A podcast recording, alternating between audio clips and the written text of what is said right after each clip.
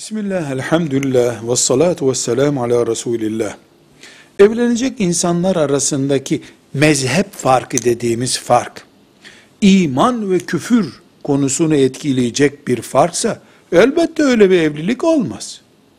Ama müminlerin aralarında bildikleri Hanefidir, Şafii'dir, Maturididir, Eş'aridir gibi mezheplerden herhangi bir Müslümanın herhangi bir Müslümanla evlenmesine fark getirmesi, engel olması nasıl mümkün olur?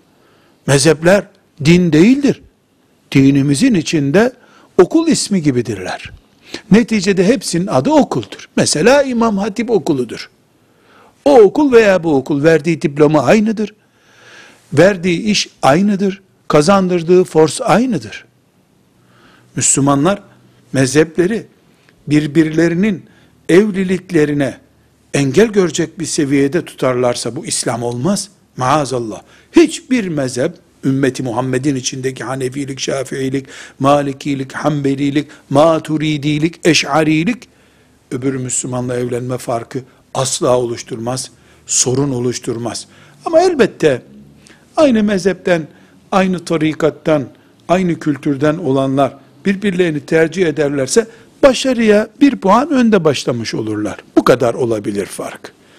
Velhamdülillahi Rabbil Alemin.